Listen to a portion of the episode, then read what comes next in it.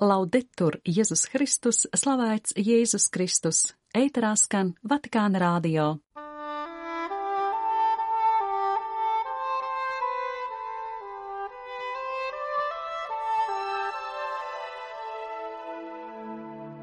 Esiet sveicināti, dārgie radioklausītāji! Pāvests Francisks asinosoda teroristu veiktos uzbrukumus kulta vietām Burkina Faso. Svētais tēvs lēnām atsāk apustulisko darbību. Dzirdēsim amerikāņu māsas Kristīnas Šenkas pārdomas par konsekrētās dzīves attīstību pirmajos kristietības gadsimtos. 27. februāra raidījumu noklausīties aicina māsa Silvija Krilteža.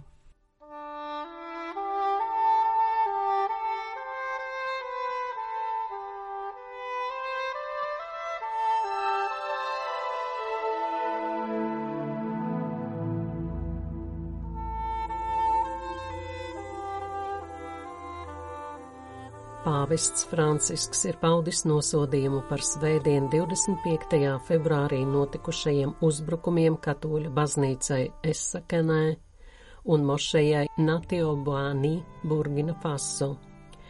Vatikāna valsts sekretārs kardināls Pietru Paralins svētā tēva vārdā nosūtīja Burkina Faso un Nigēras bīskapu konferences priekšsādātājam bīskapam Lorānam Dabirē adresētu līdzjūtības telegrammu. Francisks apliecina solidaritāti un nožēlu par 2024. gada 25. februārī notikušo teroristu uzbrukumu katoļu baznīcai Esakanē, kurā bojā gāja 15 kristieši. Viņš izsaka visdziļāko līdzjūtību upuru ģimenēm. Svētais tēvs izsaka līdzjūtību arī musulmaņu kopienai saistībā ar uzbrukumu mošejai. Francisks lūdzas par mirušo mūžīgo mieru, uzticot viņus dieva žālsirdībai un par ievainoto dziedināšanu. Atgādinot, ka naids nav konfliktu risinājums, pāvests mudina respektēt kulta vietas, novērst vardarbību un veicināt mieru. Viņš lūdz, lai kungs dod spēku un mierinājumu visiem, kurus skārusi šī traģēdija. Svātais tēvs izlūdz arī bagātīgu dieva sveitību visiem Burkina Fasu iedzīvotājiem, lasām kardināla Pietru Parolina parakstītajā līdzjūtības telegrammā. Sveidien notikušajā islāma fundamentālistu uzbrukumā katoļu baznīcai Esakanes ciemā Burkina Fasu ziemeļaustrumos tika nogalināti 15 cilvēki un divi ievainoti. Saskaņā ar Dori diecēzes paziņojumu 12 cilvēki gāja bojā uz vietas, bet trīs no ievainojumiem mira slimnīcā. You.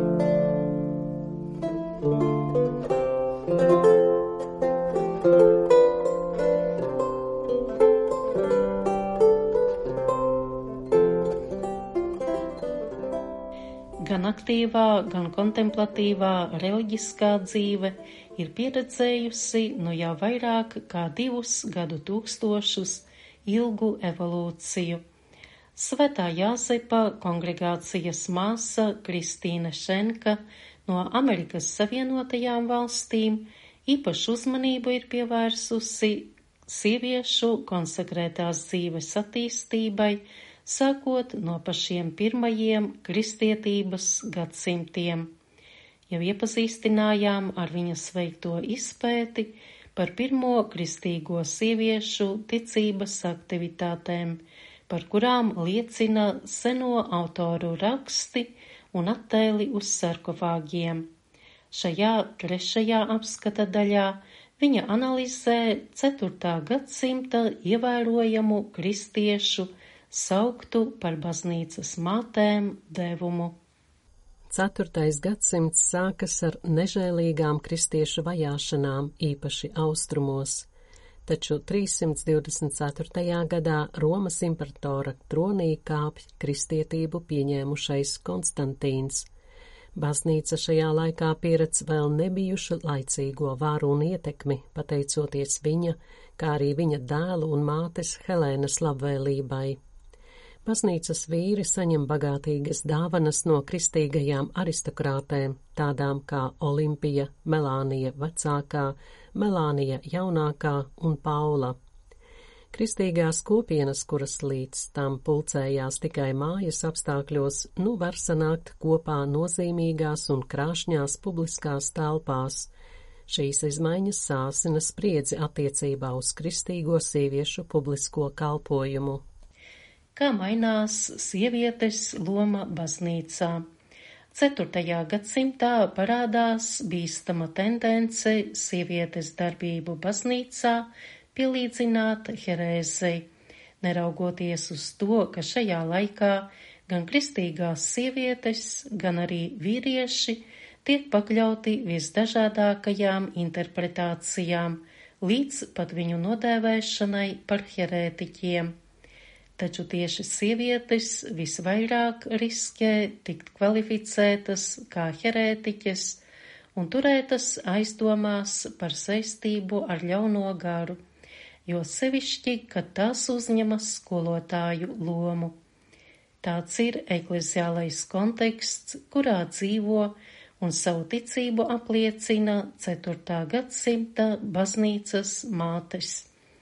Turpinājumā māsa Kristīna ielūkojas viņu dzīves chronoloģijā un veidā, kādā viņas un viņu kopienas īsteno agrīnās baznīcas ekleziālo autoritāti.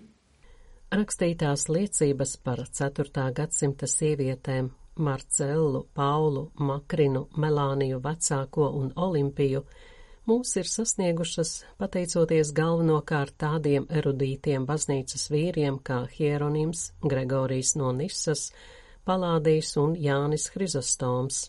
Ir arī divi teksti, ko uzrakstījušas sievietes Proba un Egērija.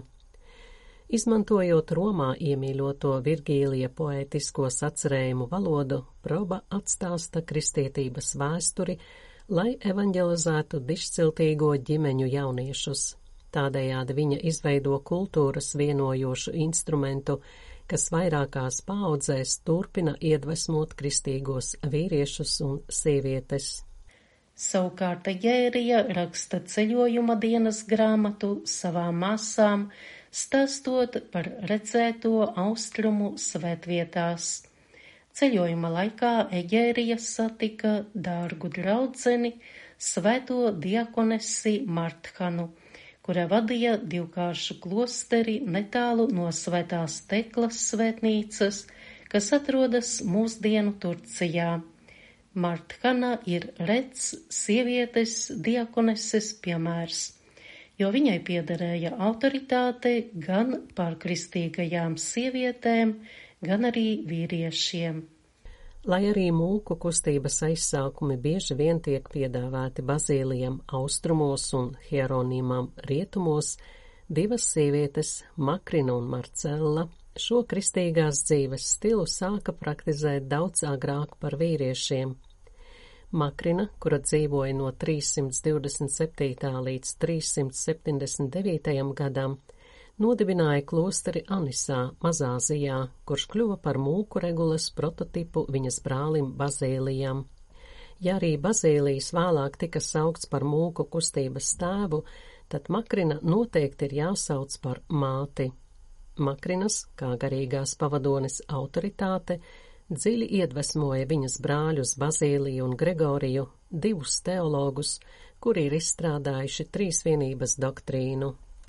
Marcella dzīvoja laikā no 325. līdz 410. gadam, ap sevi pulcēja sievietes bagātā villā Auventino kalnā, lai kopā studētu svētos rakstus un lūgtos. Tikai 40 gadus vēlāk Romā ieradās Hieronīms. Kad viņš atgriezās Jeruzalemē, Romas priesteri konsultējās ar Marcellu, lai gūtu labāku izpratni par dažiem Bībeles tekstu fragmentiem. Marcella piedalījās arī publiskajās debatēs, par oriģenistu kontroversiju. Paula Romiete, kuras dzīves gadi iekrīt laikā no 347. līdz 404. gadam, nodibināja divus klosterus Betlēmē, vienu sievietēm, otru vīriešiem. Šeit, pateicoties viņas atbalstam, Hieronims pabeidza tulkot bībeli no grieķu uz latīņu valodu. Viņš liecina, ka Paula viņu pārspēja ebreju valodas zināšanās. Melānija vecākā dzīvoja no 350. līdz 410. gadam, izcēlās ar to, ka viņai izdevās atgriezt nozīmīgu baznīcas vīru Evagriju pie celibāta apsolījuma. Viņa mācīja un ticībā atgrieza daudzus cilvēkus. Izšķiroša loma Melānijai piederēja schizmas atrisināšanā, kas aptvēra 400 Antiohijas mūkus, daudzi no kuriem bija ieslīguši herēzē, noliedzot svēto garu.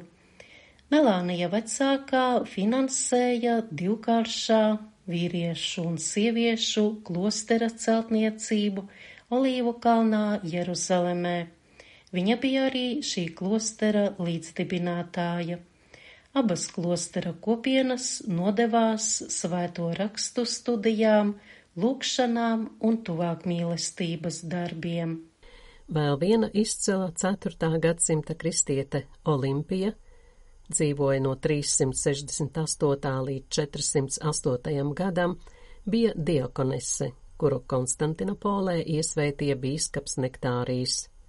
Savas ģimenes bagātības viņa izmantoja baznīcas un nabadzīgo ļaužu atbalstam. Olimpija nodibināja lielu klosteri netālu no Svētās Sofijas bazilikas, kur par diakonesēm tika iesvētītas arī trīs viņas līdzgaitnieces.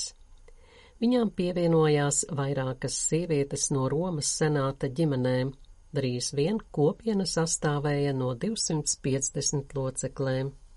Šīs ir tikai dažas no 4. gadsimta kristīgajām sievietēm, kuru dibinātās kopienas var uzskatīt par mūsdienu konsekrētās dzīves priekštecēm.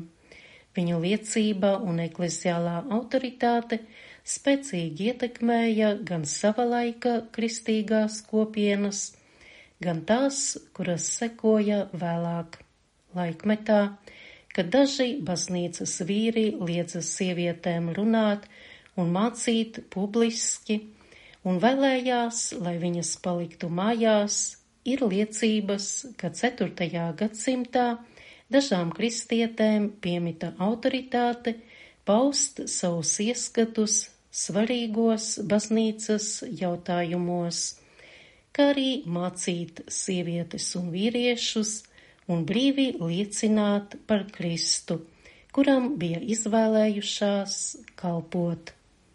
Thank you.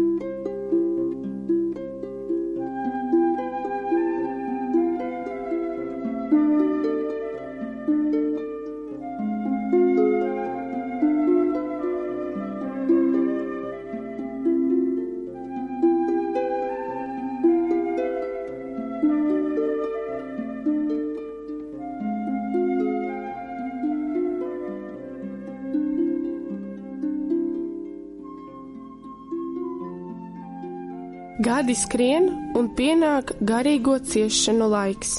Vajadzētu atzīmēt, ka ciešanu laikā visi apstuļi salūst. Pēteris pirmais. Ir ļoti grūti saprast dieva noslēpumu, kurš uz ļaunumu atbild ar labu, kurš uz dusmām atbild ar labestību.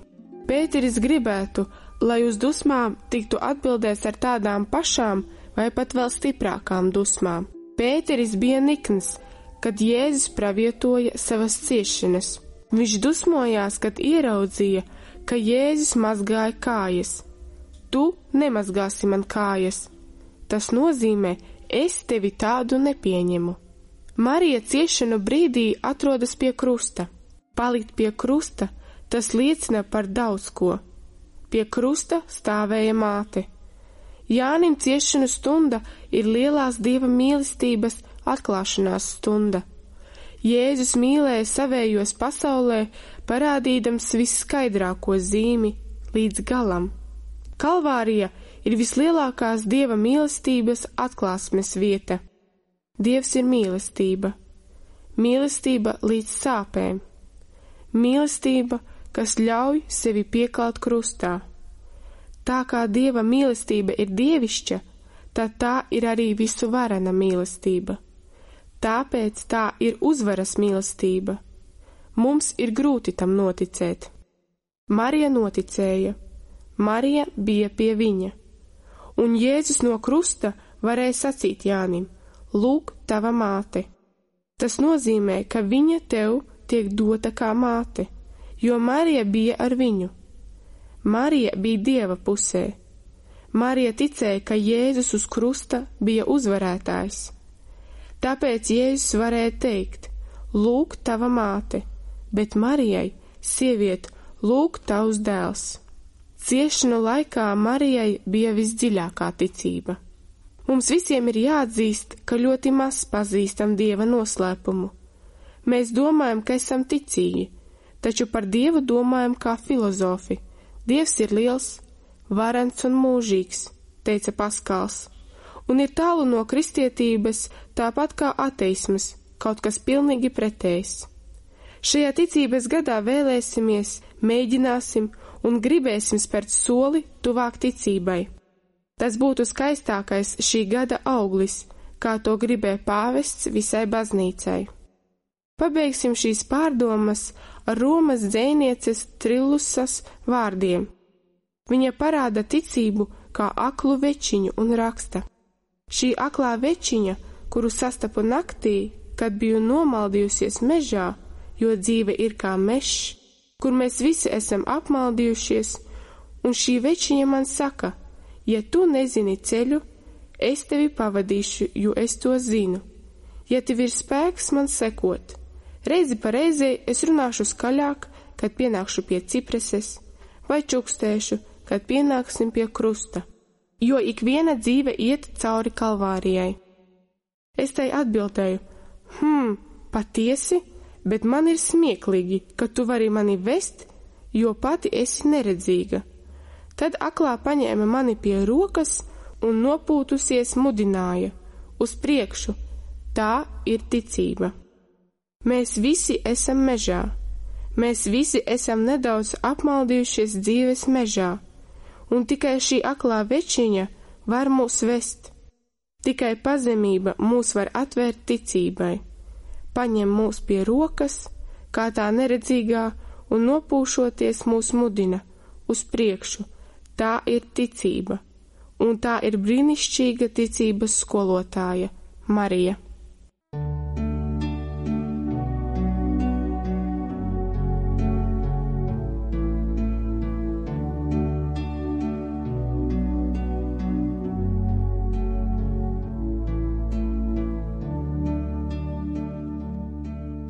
Mūsu tikšanās laiks ēterā ir aizritējis. Mīļš paldies, ka bijāt kopā ar mums.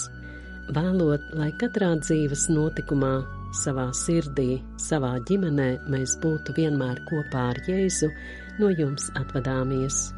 Slavēts Jēzus Kristus, laudetur Jēzus Kristus!